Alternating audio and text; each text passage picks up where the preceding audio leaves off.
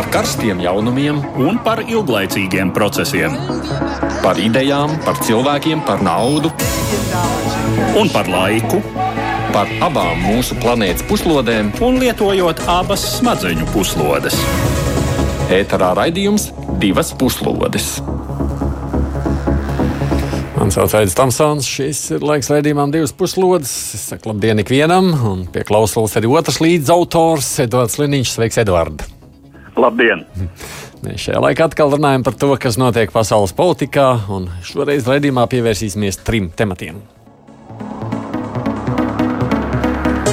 Pētnieciskie žurnālisti no vairākām valstīm ir daudz izdarījuši, lai atklātu, kas un kā pirms dažiem mēnešiem saindēja Krievijas opozicionāru Aleksēju Navaļniju.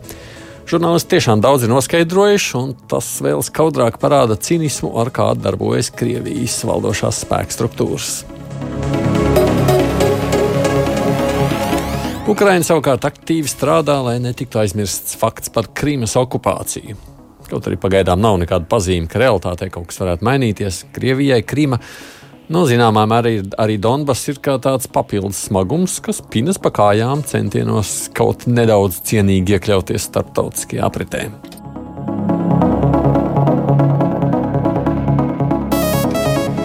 Mēs sākam vispirms ar skaidri paredzamo un zināmo notikumu. ASV elektoru kolēģija beidzot oficiāli ir ievēlējusi prezidenta amatā Džo Baidenu, kurš nu gatavojas savai inaugurācijai pēc mēneša. Bet esošais prezidents Trumps tā arī nav spējis samierināties un atzīt sakāvi. Vispirms faktu apkopojums. Pirmdiena, 14. decembrī, Savienoto Valstu elektoru kolēģijas locekļi, pulcējušies savu pavalstu likumdošanas institūcijās, nodeva balsis par jaunievēlēto prezidentu. Nekādu pārsteigumu nebija. Elektoru balsojums precīzi atspoguļoja vēlēšanu rezultātus attiecīgajos štatos. Džo Baidenam saņemot 306 kolēģijas balsis pret līdzinājā prezidenta Donalda Trumpa 232. Līdz ar to Džo Baidens ir uzskatāms par nu jau oficiāli ievēlēto Amerikas Savienoto Valstu 46. prezidentu. Neīstenojās prezidenta Trumpa atbalstītāju daudzskaitlīgie mēģinājumi tiesas ceļā panākt vēlēšanu rezultātu pārskatīšanu atsevišķos štatos, savukārt vietums panāktā balsu pārskaitīšana nemainīja iznākumu.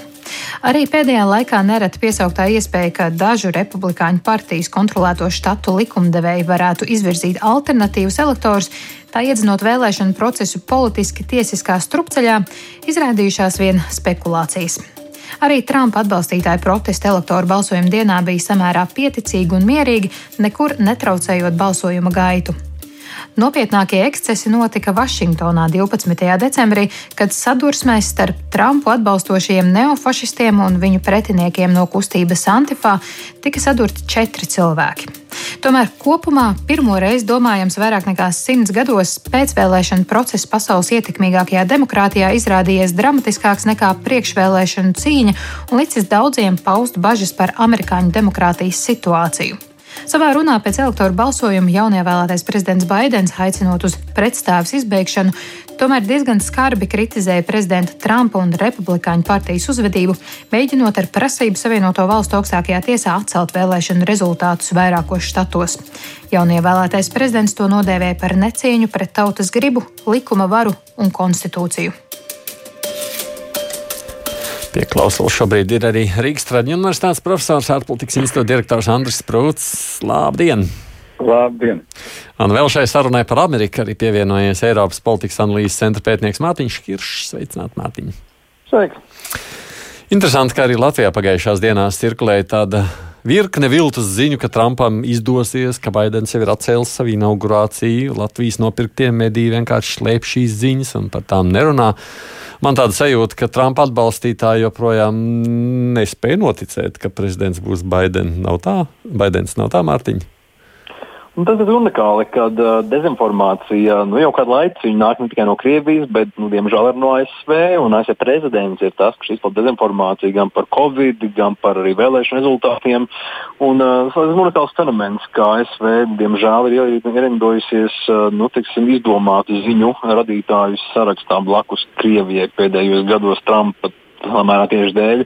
Un tas ir ietekmi uz cilvēkiem, uz pašiem amerikāņiem, uz arī nu, vietējiem, kas tam notic, ja prezidents atkārtoti apgalvo un atkārto pilnīgi izdomātu informāciju. Nu, un, uh, tagad nu, lielam Trumps var teikt, ko viņš grib, bet par laimi republikāņu tiesas nu, visi ir atzinuši, ka nu, Baidens ir uzvarējis. Tur vienos vārtos Trumpam vairs nav palikuši nekādi ieroči viņa arsenālā. Bet tas, nu, vismaz Trumps ar savu neatzīšanu tagad sāk izskatīties, man vismaz liekas, ar vien tāds pamuļķīgāks. Nu, Trumps uh, mēģina darīt divas lietas. Viens ir, viņš mēģina dabūt vākt sev finanses nākamajām kampaņām, ko viņš vienmēr arī dara šajos mēsīšos nolikt rezultātu un saka, man vajag naudu, lai es varētu cīnīties tālāk.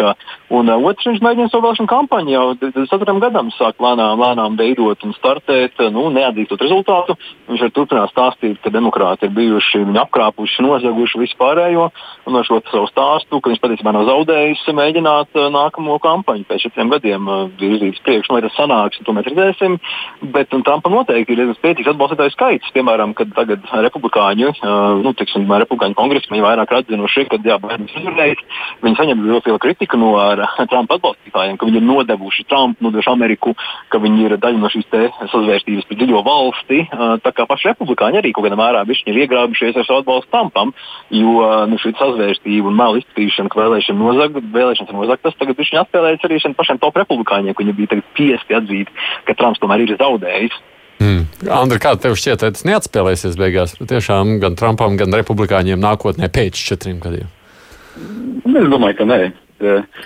Jāatcerās tomēr arī tas, ka par Donaldu Trumpu nobalsoja otrākais lielākais balsotāju skaits ASV prezidenta vēlēšanu vēsturē - 74 miljoni. Tas ir milzīgs skaitlis.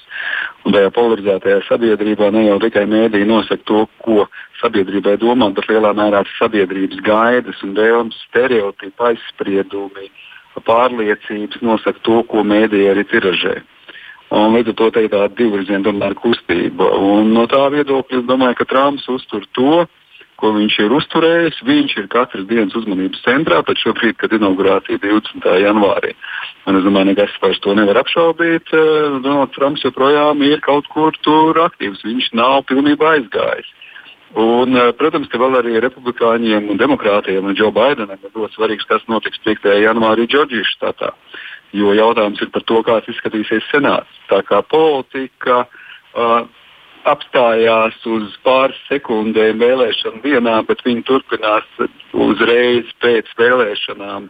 Faktiski jau tā kā teiksim, nu, tu minēji, jau ir gatavošanās jau nākošam ciklam, un respektīvi tur ir savs arī pamats. Protams, tur ir Trumpa personības īpašības un īpatnības, bet vienlaikus es nedomāju, ka Trumps ar šo ekscentrisko politisku uzvedību, ka viņš zaudē, viņš faktiski ir tas, kas viņš ir. Edvards, bet skatoties no tāda pat no žurnālista pozīcijām vai no tā, kas patērē žurnālistiku. Nu, ja tev apgalvo un izplatīja informāciju, nē, nē, nē, lūk, patiesība ir šāda, tad īstenībā nekāda inaugurācija nebūs. Un beig beigās jau taču, nu, kā, kādā brīdī jau tev jāsaprot, ka tad, nu, melus var būvēt vai var būvēt uz daudzu gadu garumā. Um, melus, protams, var būvēt diezgan ilgi. Nu, jautājums ir, uh, kurā brīdī šie meli, eh, kā tu iepriekš teici, sāk atspēlēties un kādā veidā. Um, nu, tas ir tāds eh, ļoti plašs un filozofisks jautājums uh, par to, kā teiksim, mūsu, mūsu vārdi vēlāk ietekmē citu cilvēku rīcību. Bet tas, kas nu, ir skaidrs, ka Savienotās valstis ir līdz šim dzīvojušas uh, ar ļoti daudziem priekšstatiem, nu, kā ir jābūt, un tas vienmēr arī tā ir īstenojies. Kā uzvedas prezidents tajā brīdī, kad mēdī, lielākie valsts mēdī paziņo, ka balsu proporcija ir tāda, un tā tad skaidrs, ka elektoru balsojums būs tāds un tāds, un mums ir jaunais prezidents. Vai arī iepriekšējais prezidents pārvēlēšanas gadījumā paliek savā amatā. Šoreiz tas tā pēkšņi nav jo prezidents Trumps vienkārši uh, nu, teiksim, uzdod tādu primitīvu jautājumu, kāpēc tā ir jādara, kāpēc man ir jāatzīst, ja es varu pārliecināt miljonus savu atbalstītāju joprojām, ka vēlēšanas ir nozaktas, uh, ka es tomēr palikšu amatā, un pat ja nepalikšu amatā, tad tas nav taisnīgi, tas nav pareizi.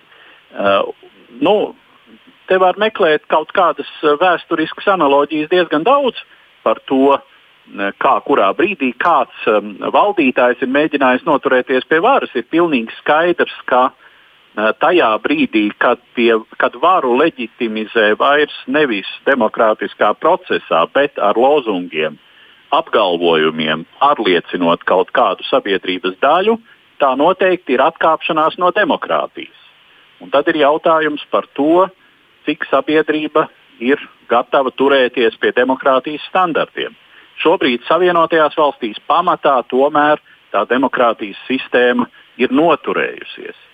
Un, mm, nu, nepiepildījās tas, ko daži iedomājās, ka republikāņi aiz savām parteiskajām interesēm un uzticības, tā sacīt, es atļaušos teikt, vadonim, ja, atkāpsies no sistēmas, no, no demokrātiskajiem principiem, no iedibinātās kārtības. Tas nenotika. Bija laikam viens gadījums, neatceros tagad precīzi, kurā pavalstī, mēģinājums tiešām organizēt šo alternatīvo elektoru izvirzīšanu, bet to paši šai, šai štatā pie varas esošie republikāņi uh, Uh, to līderis ļoti ātri šo mēģinājumu novērsa. Uh, nu, tātad Amerikas demokrātijas sistēma ir izrādījusies pietiekami spēcīga uh, un pietiekami stabila šobrīd. Mm -hmm. Ko mēs varam teikt par nākamo prezidenta komandu? Andri, kā izskatās? Nu, komanda ir pietiekoši diversificēta. Es domāju, ka tas arī atspoguļo to, ko Džo Baidens grib arī parādīt, ka tā ir visietvaroša, visiekļaujoša valdība un visiekļaujoša, izvērtējoša ASV sabiedrība. Es domāju, tas ir daļēji tas spogulis. Otrs, protams, ka tur jau sākās zināmas diskusijas par to, kādas būs tās orientācijas, vai vairāk kreisiskas vai centriskas. Šobrīd tā, tomēr par zināmu veidā te būs kaut kādi elementi, ko nu, kur būs zināms turpinājums no Trumpa administrācijas. Nu, pieņemsim, ārlietās, attiecībās ar Ķīnu, ka šī nostāja būs pietiekoši strikta, tāda pat kā viņa ir bijusi. Tā kā zināms kontinuitātes elements būs, protams, ka vispirms varbūt te ir zināms saistība ar, ar mm, Obamas un Baidena terminiem, kas bija pirms četriem gadiem, bet vienlaikus, protams, ka nu, to, mēs atzīstam, ka nu, ASV nebūs pirms Trumpa ASV, un viņi, ir, viņi mainās. Tas ir pilnīgi normāli, ka demokrātiskas sabiedrības mainās ar saviem ar kalniem un savām ielām. Un arī šeit, es domāju, šī valdība daļai atspoguļojusi gan šai politikai, gan kopumā šīm ASV teiksim, struktūrālām sabiedrības izmaiņām un tā, kā viņas jau redz arī pasaulē. Mm. Mārtiņ, kā izskatās no jūsu skatu punkta? No, ASV ir uh, trīs šie centrālie ārpolitikas veidotāji - ārlietu ministrija, aizsardzības ministrija un uh, drošības padome. Un, ja skatāmies tiem atslēgas cilvēkiem, nu, daudzi no viņiem nāk no iepriekšējās Obamas administrācijas, nu, piemēram, šī drošības padomē. Tā drošības padomnieks galvenais ir bijušais Baidena nu, padomnieks Obamas prezidentūras laikā, kurš strādāja kopā ar Baidenu pie Krievijas attiecību restarta. Arī strādāja pie tā, ka nu, šis atcerēties beidzās neveiksmīgi. Un, uh, viņš, Džeiks Sulavans, ļoti, ļoti kritiski skatās uz Krieviju. Piemēram. Nu, viņš kritizēja Trumpu atkārtot par to, ka viņš pārāk draudzīgi ar Putinu izturās. Uh, ir runājis par to, ka uh, no ASV un Krievijai ir pilnīgi atšķirīgas intereses uh, dažādos jautājumos, nevajag meklēt kopsaucējus, jo viņi tur nav vienkārši. Nu, mēs atgriezīsimies noteikti Krievijas politikā, vairāk pie nu, tiksim, ierastās ASV ārpolitikas, nevis Trumpa tādas nu, neizlēmīgas. Beigsim, Krievijai darīt, ko viņi grib, un ASV ļoti maz reaģē uz Krievijas kaut kādiem starptautiskām normu pārkāpumiem. Tieši tāpat arī šī ārlietu ministrijā šis te. Um, Antonijs Blinkens, jā, kurš ir viņa tā teikt, Baidena vēlamais ministrs, tur gan vēl jāapstiprina, būs arī ļoti kritisks pret Krieviju, skatās līdzīgi kā Baltijas valstis. Par jauno savukārt, nu, viens, jaun, viena pārmaiņa, no izmaiņa būs, ka klimata pārmaiņas aizies atkal no ASV ārpolitikas centrā, jo Džons Kerijs būs šis te, nu, speciālais klimata pār, pārstāvis, vēstnieks. Džons Kerijs bija tās cilvēks, kurš izveidoja kā valsts sekretārs Obamas laikā klimata Parīzes vienošanās, līgumu, no kā Trumps aizgāja projām. Tā kā es ja mēģināšu atgriezties, uzņemties vadību, līderību klimata jautājumos diezgan, diezgan droši to var teikt tagad nākamajos četros gados, ka Trumpa laikam vienkārši nu, neeksistē šī tā ārpolitikas dimensija Trumpam. Mm. Bet tad skatoties, Edvards, no tāda Krievijas viedokļa, mēs par Krieviju pēc brīža līdz runāsim. Faktiski jāsaka, ka nu, politika būs krietni striktāka. Droši vien, ka nu, vai striktāk, nu nevarētu teikt, ka uh, ja mēs runājam par rīcību, ka Savienoto valstu politika būtu bijusi uh, arī līdz šim Krievijai ļoti ērta un izdevīga. Jo nu, lielās līnijās jau, protams, Savienotās valstis saglabāja savu militāro klātbūtni Eiropā. Te nebija radikāla pārmaiņa, un tas, ko varbūt varēja lasīt šur un tur pat Krievijas mēdījos, ka, nu, ja Trumpu tagad pārvēlēs uz otro termiņu, tad gan beidzot būs uh, tā sacīt mūsu ielā svētki. Jo uh, nu, tāda frāze, ko es kaut kur lasīju, mm, kāds tā sauktais analītiķis bija izteicies, nu, Trumps atdos katrā ziņā centrāla austruma Eiropu pilnīgi Krievijas pārziņā, lai Krievija tur rīkojas kā tai patīk. Nu, tās, protams, ir muļķības, bet jā, Baidena politika pilnīgi noteikti būs konsekventāka. Man šķiet, nu, nu, tas ir mans pieņēmums, ka droši vien uh, Savienotās valstis vairs neatgriezīsies arī tai pirms Trumpa ēras situācijā, kad tās nu uz saviem pleciem nesa lielumu lielo uh, Eiropas aizsardzības smagumu. Un, uh, jāsaka, kā ir teiksim, spēcīgākās Eiropas valstis atļāvās drusku tā sacīt, uh, uh, izlaisties šai ziņā. Uh, un, uh, nu, teiksim, sevišķi laika periodā kopš Padomju Savienības sabrukuma un līdz uh, apmēram 2010. 2009. un 2010. un arī faktiski vēl pat līdz 2014. gadam uh, vispārējā tendence bija aizsardzība vairs nav mūsu galvenās rūpes, Krievija mums vairs nav bīstama. Um, mēs varam tā sacīt, uh, mazināt militāros budžetus, Uh, un cik nu vajadzēs, tik Savienotās valstis ar savu milzīgo militāro kapacitāti šeit noseks. Uh, es, man pat gribētos izteikt tādu cerību, ka tas varbūt ir tas viens pozitīvais, ko Trumps ir izdarījis, uh, ir tomēr pikstījis un pat varētu teikt, varbūt spārdījis savus Eiropas sabiedrotos. Sevišķi tos, kam ir liela ekonomiskā un tehniskā kapacitāte, kā piemēram Vācija, lai tie arī dotu pietiekamu ieguldījumu mm. savas pasaules daļas aizsardzībā. Bet pabeidzot šo Amerikas sadaļu, tikai tā tad inaugurācija pēc mēneša, Mārtiņa ļoti piesardzīga, pieticīga vai ne, Covid dēļ. To viennozīmīgi, jā, viņš jau plāno attālināt ar ekrāniem pilnīgi savādāk nekā nu, neviena, kas ir bijis līdz šim. Atšķirībā no Trumpa, kurš tagad Ziemassvētkos taisīja balvas Baltijā namā un kampaņas laikā taisīja plašs mazs pasākums. Tā kā pilnīgi cita jauna pieeja arī Covid ārstēšanai situācijā ASV. Lai gan viņš pats, pats vakcinēšoties nākošais nedēļa laikam. Nu jā, un tur bija runas, ka visa komanda Baltijā grib vakcinēt pirmo, bet nezinu, kas, kas ar to viņam sanāks. Tāda mm. divpusīga attieksme, Covid nav īsti, bet mums ir jāvakcinē. Mm -hmm. Mārtiņš Kiršs, saka paldies Mārtiņam, Eiropas politikas analīzes centra pētniekam par šo sarunu, jo mēs turpinām par nākošo. Mēs pievēršamies Krievijai, jau pieminētajai šajā nedēļā ir uzmanība pievērsta opozicionāra Aleksēna Navaļnijas aindēšanai atkal, kas notika pirms dažiem mēnešiem, un vispirms faktu apkopojums. Pirmdien tika publiskoti fakti par Krievijas opozīcijas līdera Aleksēna Navaļņija saindēšanu šī gada 20. augustā, kuras kopīgā izmeklēšanā iegūs Lielbritānijā bāzētā izmeklējošās žurnālistikas grupa Bellingcat, amerikāņu telekanāls CNN, vācu izdevums Der Spiegel un Krievijas tīmekļa resursa The Insider. Iegūstot un sastatot datus par vairāku Krievijas federālā drošības dienas darbinieku pārvietošanās maršrutiem un telefonu saziņu pēdējo gadu laikā, žurnālisti secinājuši, ka īpaša drošībnieku indētāju grupa jau vairākus gadus izsekojas Navaļņī un viņa komandas dalībniekus, un iespējams mēnesi pirms Navaļņīs saindēšanas īstenojas līdzīgu uzbrukumu viņa sievai Jūlijai, kas gan beidzies ar samērā vieglu saindēšanos. Tā kā Krievu drošībnieki agrākajos gados nav pievērsuši īpašu uzmanību konspirācijai, ir izdevies identificēt vairākus indētāju grupas dalībniekus, tā skaitā operācijas vadītāju Oļegu Tajakinu un viņa tiešo priekšnieku federālā drošības dienesta pulkvedi Staņislavu Makšakovu. Kas attiecas uz pēdējo, tad viņš, būdams organiskās sintēzes speciālists, savulaik strādājis Krievijas militārā resora institūtā, kas izstrādājis bēdīgi slaveno Indi Novičoku, ar kur tika saindēts kā Navainīs, tā bijušais Krievijas izlūkdienesta virsnieks un dubultaģents Sergejs Skripaļs un viņa meita Jūlija. Grupā ietilpst vēl vairāki mediķi un ķīmiķi. Pēc tam, kad Navainīs tika nogādāts ārstēšanai Vācijā, kur uzturas joprojām, tika nepārprotami konstatēts, ka viņš saindēts ar kādu no Novičoku paveidiem.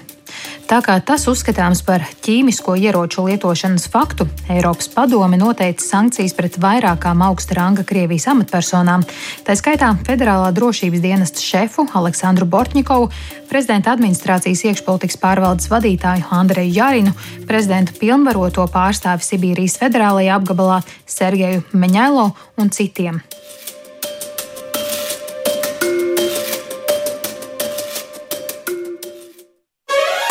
Divas puslodes. Ko jūs sakāt par žurnālistu veikto darbu, Eduards? Kā tu novērtēji kolēģi? No, es, jā, nu, es pat ļoti nosacīti varu sevi dēvēt par viņu kolēģi, jo tas ir te vai apbrīnojami.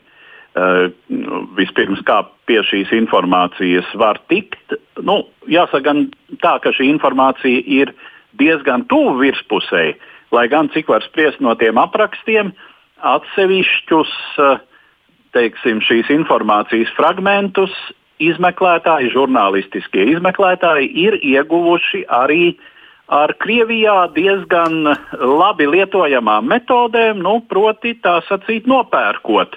Eh, kā tas arī tiek minēts, tad eh, Krievijā ir iespējams diezgan viegli no valdības institūciju pārstāvjiem nopirkt informāciju par cilvēku privātiem datiem, nu, respektīvi, re, nu, nopirkt privātus datus, kas ir uh, automašīnas tehniskā stāvokļa informācija vai uh, teiksim, informācija par nekustamiem īpašumiem, uh, tā tālāk, tā tālāk kas teiksim, mums, uh, mūsu tiesiskajā realitātē nav pieejama par katru pilsoni. Tā ir pieejama atsevišķos gadījumos par nu, teiksim, mm. valsts amatpersonām. Nu, plus vēl saprot, arī izskan informācija, ka viņiem ir kāda tomēr sadarbība ar kādu vai Lielbritānijas pēcdienestu, laikam tā. Nu, iespējams arī tā, bet nu, tā tad. Uh, galvenais ir, starp citu, runājot par šo izmeklēšanu, tā tiek veikta uh, pēc apmēram tiem pašiem principiem, kā tiek veikta armijas izlūkošana. Galvenais nav viens superaģents ienaidnieka štābā, kurš tev at, sacīt, nodod eh, pilnu eh, uzbrukuma plānu eh, labi aizsietām apītē. Bet tiek analizēti milzums datu no dažādiem punktiem, tad šī mozaika tiek salikta kopā, tas ir milzīgs darbs, un tur veidojas šī kopaina. Mm. Un, nu, tas, ko šī kopaina ir parādījusi, es teiktu, ka uh, jā, nu, tas ir arī no tādas izmeklējošās žurnālistikas viedokļa, cik no es no tā saprotu, jo es neesmu uh, šīs jomas speciālists, bet uh, es teiktu ļoti uzteicams darbs. Jā, jā. Es teikšu, ka es, kurš cilvēks esmu darbojies šajā jomā, No, tur uh, sajūta ir tāda, ne, nu, es tā nevarētu pilnīgi noteikti. Andri, kā izskatās tev novērtējot šo darbu? Ne, nu, kopumā, protams, ka visu cieņu un tiešām tas ir iespaidīgi. Un, uh, nu, daļai jau apstiprina arī to, ko mēs esam arī teiksim, tā, domāju, nojautuši. Tā kā nenoliedzam, ka nu, tā ir tāda jauna kvalitatīva pakāpe pētnieciskajā žurnālistikā. Otra lieta, nu, varbūt, kur es tomēr būšu nedaudz kritisks par pats par saviem vārdiem. Uh, protams, ka ir jautājums, nu, kādā veidā kas ir tiek nopirkts un tiešām par kādu informāciju mēs runājam. Tā kā, nu, te jau noteikti eh, zinātnē un pētniecībai būtu varbūt mazliet savs. Bet es saprotu, ka Vācijas izlūkdienas vismaz tāda ziņa parādījās lietā pirms kāda brīža, esot apstiprinājis, ka tāda informācija ir, nu, ka viņi, uh, nu, ka šī Belinketa un kopējā veiktā pētniecība ir visticamāk precīza. Nu, noteikti. Tikai te jau var piebilst nu, to, ko no vienas puses pirmkārt tu teici par to, ka tad jautājums, kur ir pētnieciskā žurnālistika, un iespējams, ka tas ir daļēji ir citu avotu, arī savākti avoti. Tā kā šeit ir zināma kombinācija, mm -hmm. un mhm. to jau ir sākās politika un diplomātija. Un varbūt tas no, tāds skeptiskākais vai skarbākais vērtējums no šodien Putinam ir četru stundu gara preses konferences Nu, īpaši jau tas neietekmē ne Putinu, ne Krievijas sistēmu un ne to, kā Krievija rīkojās. Tā kā tur ir pavisam cits narratīvs. Un, Kā Lavrovs izteicās, šīs ir jauks, smaidīgas lietas, par kurām var pasmaidīt un pasmieties, un būtībā tas neko neietekmē. Nu, es negribu teikt, neko neietekmē. Protams, tas būtu pāri pārspīlēti. Kopumā tas Krievijas tēlu rada un nu, arī nu, dod zinām mājienu, ka tomēr šī informācija var parādīties arī atklāti un ka nu, daudzas lietas, kas faktiski skatās, ir uz pirkstiem. Bet skatoties uz pirkstiem, nu, mēs līdz galam vai mēs ietekmēsim arī Krievijas rīcību vai Putina rīcību šajā visā situācijā. Visticamāk, ka nē. Mm. Ja runājam par šī pētījuma nozīmi, Edvards vai Andrim nav, Andra, tam pesimistiskam skatījumam nav taisnība? Nu, Andra skatījums ir realistisks tā ziņā, ka principiāli tas, protams, neietekmēs Krievijas varas politiku un arī tās pieeju konkrēti. Nu, lai gan, teiksim,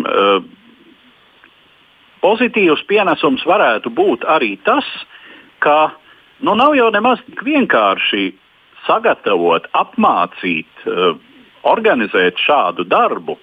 Uh, un, mm, nu, es pieļauju, ka Krievijai nav tūkstošiem aģentu, kuri būtu gatavi doties uz rietumiem un lietot tādas ļoti bīstamas vielas, kāda ir šīs Novičoks, jo, teiksim, nepieredzējis, uh, neapmācīts cilvēks visdrīzāk pats pirmkārt saindēsies un tikai pēc tam izdarīs to, kas ir viņa uzdevums ja vispār izdarīs. Tad jau neizdarīs vairs. Jā.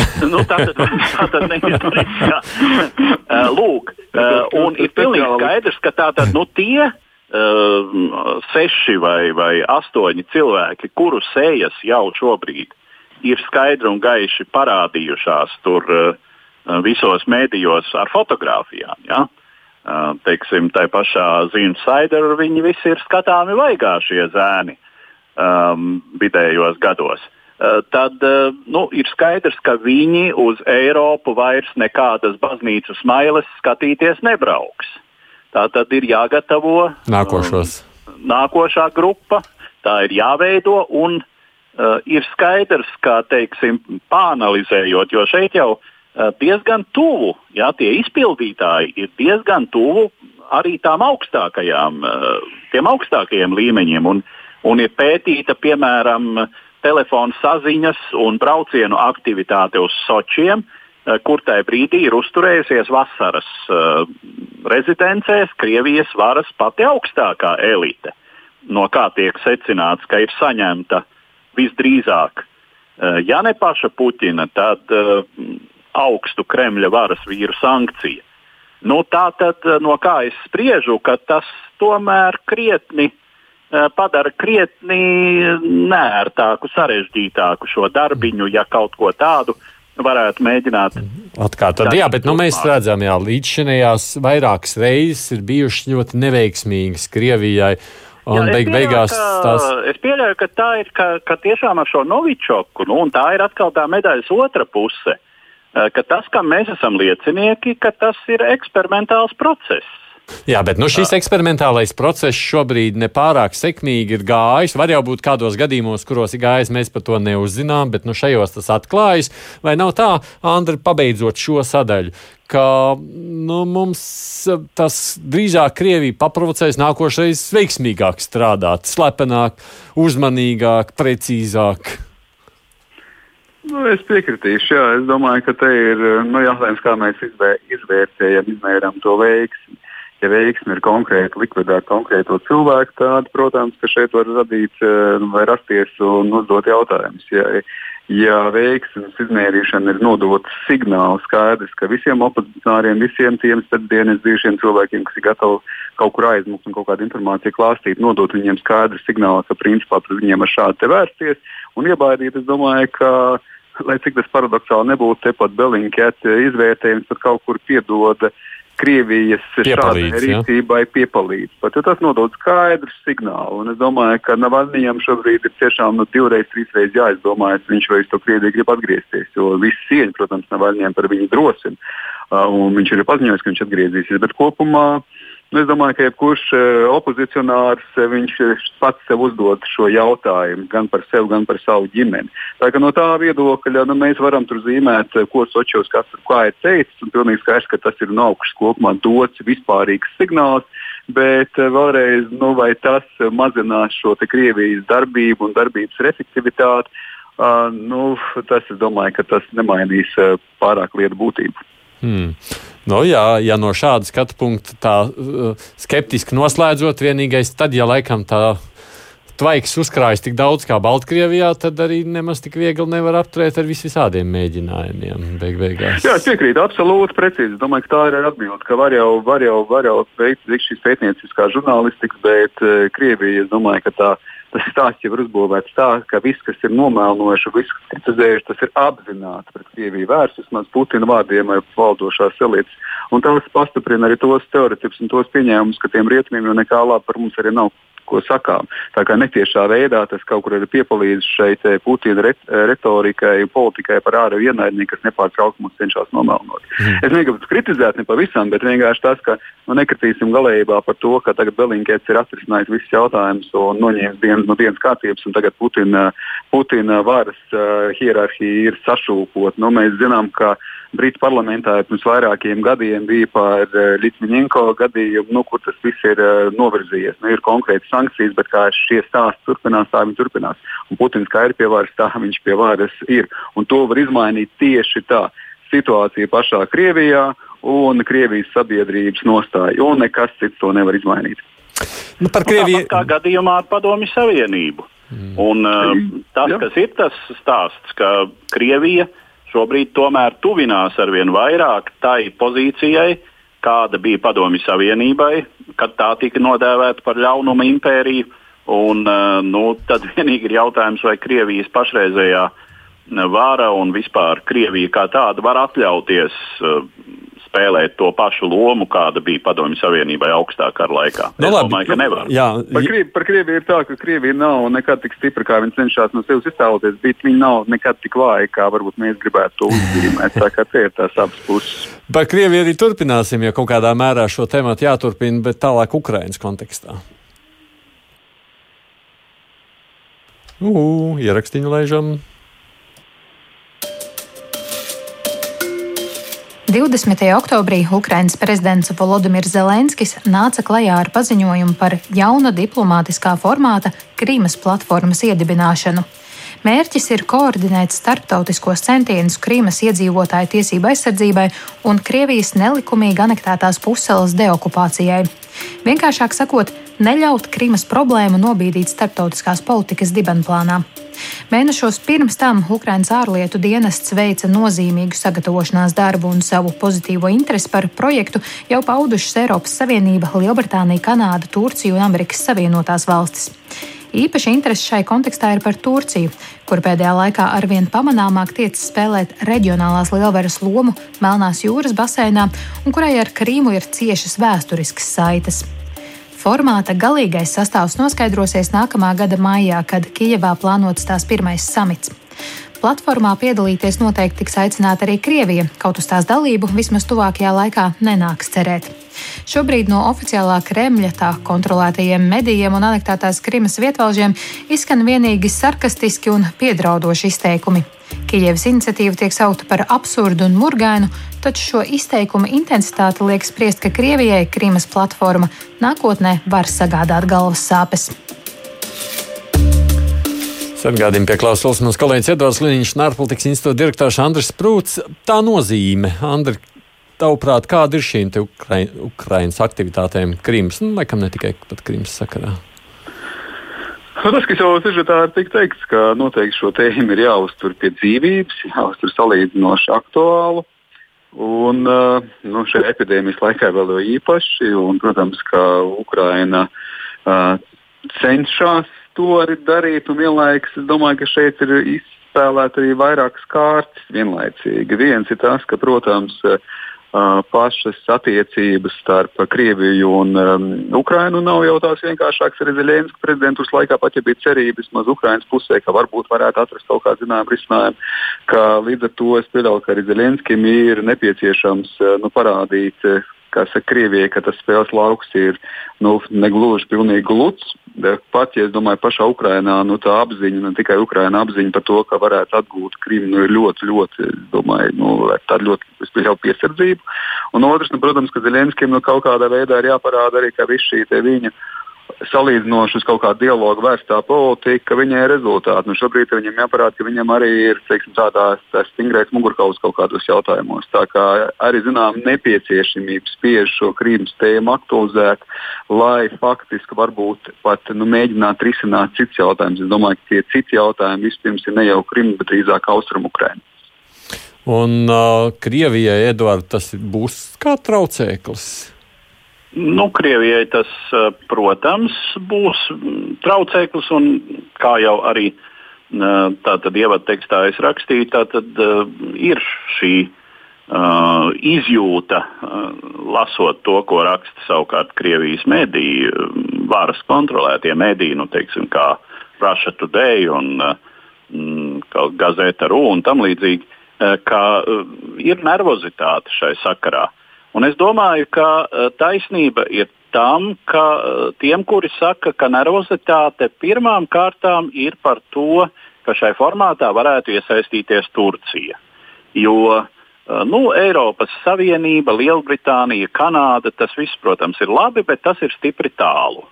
Bet Turcija, ta, Turcija ir turpat līdzās, un Turcija uh, Uh, nu, teiksim, uh, ja mēs tā padomājam, tad Turcijai ir visgarākā Melnās jūras piekraste no visām tur esošajām valstīm. Un ir pierasts nu, jau uh, kādus 150 gadus, ka Turcija uh, ir Melnajā jūrā Krievijas klātbūtnes dēļ uzmanīga, piesardzīga un neko daudz neatļaujas. Nu, tā tad ir starptautiskās vienošanās par to, uh, kā tiek kontrolēta kustība caur um, jūru, Melno jūru un Vidusjūru savienojošajiem šaurumiem. Uh, un, uh, tas ir atkal jau vairāk nekā simt gadus vecās starptautiskās vienošanās noteikts, un ar to arī Turcijas ambīcijas principā beidzas.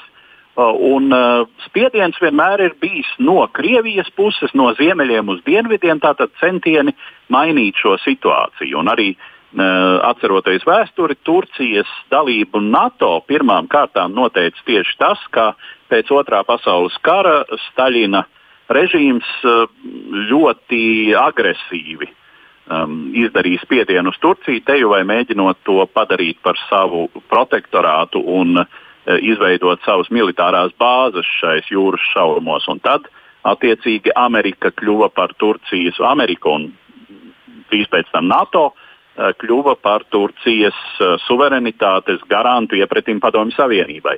Šobrīd situācija ir mainījusies. Turcija pati, kā mēs redzam, ir pietiekami stipra, eh, pietiekami, mm, teiksim, un, un ja mēs skatāmies uz spēku samēru reģionā, ko parādīja nu pat Karabahas situācijas militārā attīstība, kur aiz Azerbaidžānas muguras nepārprotami stāvēja Turcija, tad mm, faktiski Turcija ir līdzvērtīgs spēlētājs Krievijai, ja neskaita to, ka Turcijai nav atomieroči. Kā ir, Andri, vai varētu būt tā, ka Turcijai nu, parādās lielāka nozīme Krimas jautājumā? Mm, Manīs atbildi ir nē. Ja runājam par Turciju, ne, nenoliedzam, ka Turcijas jautājums ir e, svarīgs. Turcija ir ambīcijas, un tā Turcijas lomā viņš ir pieauguši. Bet, ja runā tajā tango vai tajā tandēmā ar Krieviju, tad to es jau es teicu, nevar atkārtoties. E, protams, ka Krievija un Turcija kaut kur var būt taktiskie konkurenti. Vai tas bija Lībijā, Lībijā, vai tas bija Sīrijā, vai tas bija Kalnu-Karabahā, bet tajā pašā laikā viņi ir strateģiskie sabiedrotie. Strateģiskie sabiedrotie faktiski tajā stāstā, ka viņi grib palielināt savu teikšanu reģionā, ka bez viņas ziņas lietas nenotiek. Tas tajā pašā Lībijā, tas tajā pašā Sīrijā, tas tajā pašā Kalnu-Karabahā. Faktiski to, ko tikko Džo Borels teica, par to, ka nu, ir tāda astanizācija notikusi, ka faktiski ir formāts, ko ir izveidojusi Krievija ar Turciju kopā, kurā viņi ir tie, kas faktiski arī nosaka to, kādās mazās valsts rīkojās, un tur tie, ko tur izspēlē, tas ir tikai tāds mazliet teiksim, tā, nu, viņu pašu um, protektorātu uh, un viņu pašu teiksim, vasaļu lielā mērā ar izspēles. Tā kā es domāju, ka Turcija būs arī piesardzīga mesties iekšā Ukraiņas apkampienos par Krīmu. Paskatīsimies, ko Turcija nosūtītu šādu sarunu. Bet, kā jau minēju, man šķiet, ka arī Ukraiņas stāsts, protams, ir caur šādu formātu mēģināt mazliet iekniept Krievijai, bet iekniept ne jau par Krimu, bet iekniept par to, ka tomēr jāmēģina atrisināt kopumā jautājums ar Ukrainu un Austrumu Ukrainu, jo nu, Ukrainai tomēr ir arī savas iespējas veidojot šādus formātus. Nu, padarīt zināmā veidā to dzīvi izaicinošāku arī Krievijas diplomātijai, tā skaitā ar attiecībās ar Turciju. Bet kopumā es nepārvērtētu nepavisam šo te. Uh, konkurences lomas starp Turciju un Krieviju. Tagad nu, Turcija metīsies mēģināt izaicināt uh, Krieviju reģionā. Protams, ka ne. Bet man ir tāda sajūta, ka Krīma ir kļuvusi par tādu ilgstošu un mūžīgu strīdu sābolu, arī kas tur notiks tālāk. Vienā vai otrā virzienā tur taču vairs nebūs labi nekad. Uh, nu, manīs atbildi ir, jā, noteikti, ka tas ir kaut kāds strīdus abos un būs, un būs šie neatzīšanas vai neaneksijas atzīšanas, neatzīšanas politika, protams, arī no mūsu puses. Un mēs jau skatāmies, ar apvienotās nācijās bija arī balsojums. Nu, tas balsojums tāds pietiekoši divdomīgs. 60 balss, 70 balss nobalsoja par, teiksim, par šo Ukraiņas rezolūciju par, par Krievijas šīs Krīmas aneksijas neatzīšanu, bet vienlaikus 60 vairāk arī atturējās, un vēl bija arī kaut kādi 11, kas nobalsoja pret. Tā kā Nu, globālajā vidē, ja no 193 valstīm ir 60 nobalso par rezolūciju, laikam nepārvērtēsim arī to, ka lielākā daļa pasaules tic, ka Krīma atgriezīsies Ukraiņas sastāvā. Nu, šobrīd ir tilts, es domāju, tas tilts ir pietiekoši simbolisks, lai pilnīgi skaidrs, ka Krievija nodod signālu, nu, Krīma ir tas, ko mēs neplānojam atdot pat, ja šī diskusija var turpināties, pat ja Ukraiņa to dienas kārtību uzturēs, viņai tas ir jāuztur, un arī mums ir jā, teiksim, tā, jā, jā, jā jāatbalsta Ukraiņa šajā jautājumā, bet kopumā tomēr būsim realisti. Un tas lielais stāsts ir kopumā par Ukraiņas integritāti, šajā gadījumā ar Austrumu Ukraiņu, par Ukraiņas virzību uz Eiropas Savienības pusi. Tagad es domāju, ka tie jautājumi ir primāri Ukraiņas tālāk attīstībā, kurā Krīma nenoliedzami ir svarīgs elements, bet nebūs eh, izšķirošais. Edvards, tev pēdējās pāris minūtes tavai perspektīvai. Jā, nu, eh, daudzos aspektos es, protams, piekrītu iepriekš teiktajam, lai gan eh, nu, ir, ir eh, ļoti konkrēti militārās sadarbības punkti. Mēs zinām, ka Ukraina ļoti ilgi gaidīja un īsti tā arī nesagaidīja šo letālo ieroču piegādi no uh, citu uh, NATO dalību valstu puses. Turcija ir gatava piegādāt un sadarboties militārās ražošanas ziņā. Uh, un, uh, nu, tā sacīts, Prūtkungs saka, jā, nu, mazās valstis. Ukraina īsti nav maza valsts. Ukraina ir valsts ar uh, apmēram 50 miljoniem iedzīvotāju un vienu no lielākajām teritorijām Eiropā. Attiecīgi, Tas gan uz Ukrainu teiks, neatiecināja, attiecināja uz to citām valstīm. Nu, jā, jā.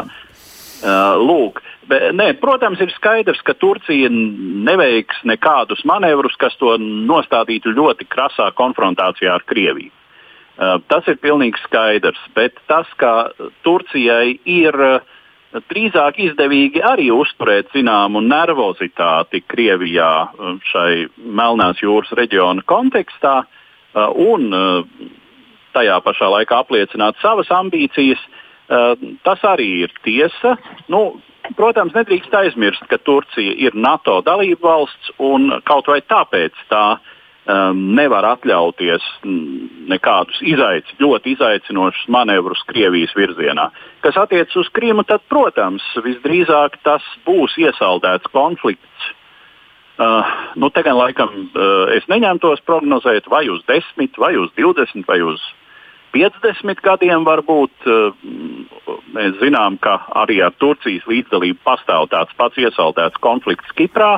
Uh, kur šobrīd tā kā šķiet, ka šis konflikts drīzāk varētu rezultēties ar Kipras sadalīšanu divās daļās. Bet mums ir jābeidz, jā. Te jau daudz kas, protams, arī atkarīgs būs no tā, kas notiek pašā Krievijā. Jums es saku paldies, Latvijas radio žurnālists Eduards Liniņš un Rīgas Stradiņu universitātes profesors ārpolitikas institūta direktors Andris Sprūts. Paldies par iesaistīšanos jums. Es vēl turpinām raidījumu. Mums vēl ir laiks palicis atkopot dažus jaunumus īsumā. Tādēļ raidījuma noslēgumā tagad vēl citas ziņas. Covid vispasaules pandēmijas sakarā pēdējās dienās visvairāk runāts par vakcīnām. Tieši tās ir kļuvušas par galveno optimismu pamatu. Vakcinēšanās jau ir sāksies ne tikai Lielbritānijā, bet arī ASV. Tāpat viena no pirmajām vakcīnu saņēmējām ir Kanāda. Eiropas valstīs pirmās vakcīnas varētu nonākt gadu mijā. Tomēr ir skaidrs, ka pieprasījums vēl ilgi būs lielāks par piedāvājumu. Tādēļ gaidīšanas režīms būs visu nākamo gadu. Turklāt vismaz piekdaļai pasaules iedzīvotāju vakcīnas var būt nepieejamas līdz pat 2022. gadam. Tā liecina trešdien publicēts pētījums, saskaņā ar kuru turīgākās valstis ir rezervējušas vairāk nekā pusi no nākamā gada potenciālajām šo vakcīnu devām. Arī šajās valstīs dzīvo vien 14% pasaules iedzīvotāju, līdz novembra vidum tajās bija rezervēti jau 7,48 miljardi vakcīnu devu. Tas rada bažas, ka nabadzīgākās valstis tik drīz pie vakcīnām varētu netikt. Jāpiebilst gan, ka daudzas valstis ir pievienojušās kopīga iepirkuma mehānismam COVAX, lai nodrošinātu Covid vakcīnu pieejamību cilvēkiem neatkarīgi no turības. Tomēr pagaidām tam nav pievienojušās ne ASV, ne Krievija. Par Covid runājot, daudz vietā, tajā skaitā Latvijā, ļaudis atzinīgi izsakās par Zviedriju, kas nav ieviesusi stingrus preventīvos pasākumus cīņā pret pandēmiju. Tomēr Zviedrijas premjerministrs Stefans Levēns pats ir atzīmis, ka valdības darbs nav bijis slavējams. Viņa prāta veselības aizsardzības sistēmas amatpersonas nenovērtēja jaunā koronavīrusa atkārtotā uzliesmojuma spēku. Atklātībai ir nodots ziņojums, ko sagatavojas komisija, kas izveidota, lai izvērtētu Zviedrijas reakciju uz Covid-19 pandēmiju. Mirušo skaits Zviedrijā izrādījies lielākais kopš tā dēvētās spāņu gripas pandēmijas pirms vairāk nekā gadsimta. No Covid miruši vairāk nekā 7,5 tūkstoši cilvēku, kas ir ievērojami vairāk nekā kaimiņos esošajā Norvēģijā, Somijā un Dānijā. Turklāt arī Zviedrijas veselības aprūpes sistēma ir piedzīvojusi pārslodzi. Tāpat komisija secinājusi, ka Zviedrija pandēmijas laikā nav spējusi pasargāt veco ļaužu aprūpas namu iemītniekus. Kopsavilkums ir skarbs. Atbildīga par notikušo ir tieši Zviedrijas valdība. Turpina pieaugt starptautiskais spiediens pret Baltkrieviju. Eiropas Savienība trešajā sankciju kārtā vērsīsies pret Baltkrievijas autoritārā līdera Aleksandra Lukašenko režīma finansējošiem uzņēmējiem un uzņēmumiem. Tā tepat Latvijā Saimnes ārlietu komisijas sēdē deputātiem paudus ārlietu ministrijas parlamentārā sekretāra Zanda Kalniņa Lukaševics. Eiropas sankciju politikā tiek izmantota pakāpeniska pieeja, tādēļ arī nākamajā kārtā, kas jau tiek gatavota, sākotnējais sankcionēto uzņēmēju un uzņēmumu saraksts nebūs plašs. Bet tas būs brīdinājums pārējiem, kuriem jāgatavojas problēmām, ja tie turpinās atbalstīt Lukašenko. Saraksts tiek rūpīgi izvērtēts, lai varētu droši pamatot, kādēļ katrs konkrētais uzņēmums ir tajā iekļauts. Jāpiebilst, ka Baltkrievijas opozīcija ir mudinājusi Eiropu vērsties tieši pret uzņēmējiem, kas finansiāli atbalsta Lukašenko. Latvija iestājas par to, ka lēmumu par trešo sankciju kārtu jāpieņem vēl šogad, līdz Ziemassvētkiem. Šis ir sociālo tīklu laikmets, un tas šķiet visvairāk ietekmē tieši žurnālistu darbu. Diemžēl runa nav tikai par sabiedrības uzticēšanos un mediju izdzīvošanu. Žurnālistu profesija ir kļuvusi vēl bīstamāka. Ieslodzījumā pašreiz atrodas 274 žurnālisti. tā otrdien paziņojusi Ņujorkā bāzētā komiteja žurnālistu aizsardzībai, norādot, ka tas ir lielākais skaits, kopš šāda informācija vispār sākt apkopot. Nogalināti šogad ir 26 žurnālisti un mediju darbinieki, par visbīstamāko valsts atzīstot Meksiku. Visvairāk ieslodzīto ir Ķīnā, kur aiz restēm atrodas 47 mediju darbinieki. Daudz žurnālisti ir ieslodzīti arī Turcijā, Eģiptē, Saudārābijā, Baltkrievijā un Etiopijā. Pat ASV gada laikā ir aizturēti un vēlāk atbrīvoti 110 žurnālisti. Komiteja norāda, ka daļēji vaina par globālās situācijas pasliktināšanos preses brīvības jomā ir jāuzņemas ASV prezidenta Donalda Trumpa administrācijai, jo Trumps ne tikai nav uzņēmies līderu lomu cilvēktiesību aizstāvībā, bet arī atbalstījis ir autoritārs noslēdz ārvalstīs ar savu naidīgo attieksmi pret mēdījiem. Černobiļa, kur savulaik notika lielākā kodola katastrofa pasaules vēsturē, nākotnē varētu kļūt par īpašu pieminekli, kas ir vērtējams un sargājams. Ukraina plāno martā iesniegt apvienoto nāciju izglītības, zinātnes un kultūras organizācijā, kas ir UNESCO, lūgumu iekļaut avarējušo atomelektrostaciju pasaules mantojuma sarakstā. Ukrainas kultūras ministrs Aleksandrs Tkačenko šonadēļ piemiņas pasākumā katastrofā bojā gājušiem norādīja, ka liela daļa Černobiļas kompleksa varētu saglabāt kā atgādinājumu cilvēcei par to, kas tur notika. Jāatzīst, ka interese par katastrofu gadu gaitā nav mazinājusies, bet tikai augusi. 1986. gada 26. aprīlī Černobiļā eksplozijā gāja bojā 30 cilvēki, bet simtiem cilvēku mīra vēlāk radiācijas izraisītu slimību dēļ, un precīzs upuru skaits nav noteikts. Toreizējās padomju varas iestādes sākotnēji mēģināja slēpt kodola katastrofas mērogus. 30 km radiusā ap staciju tika evakuēti 350 tūkstoši cilvēku, un šajā zonā joprojām nav ļauts dzīvot.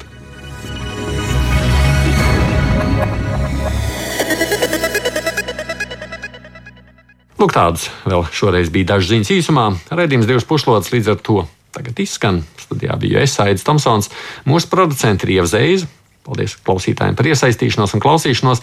Tiksimies atkal pēc nedēļas, tad lūkosim, kas notiek pasaules politikā.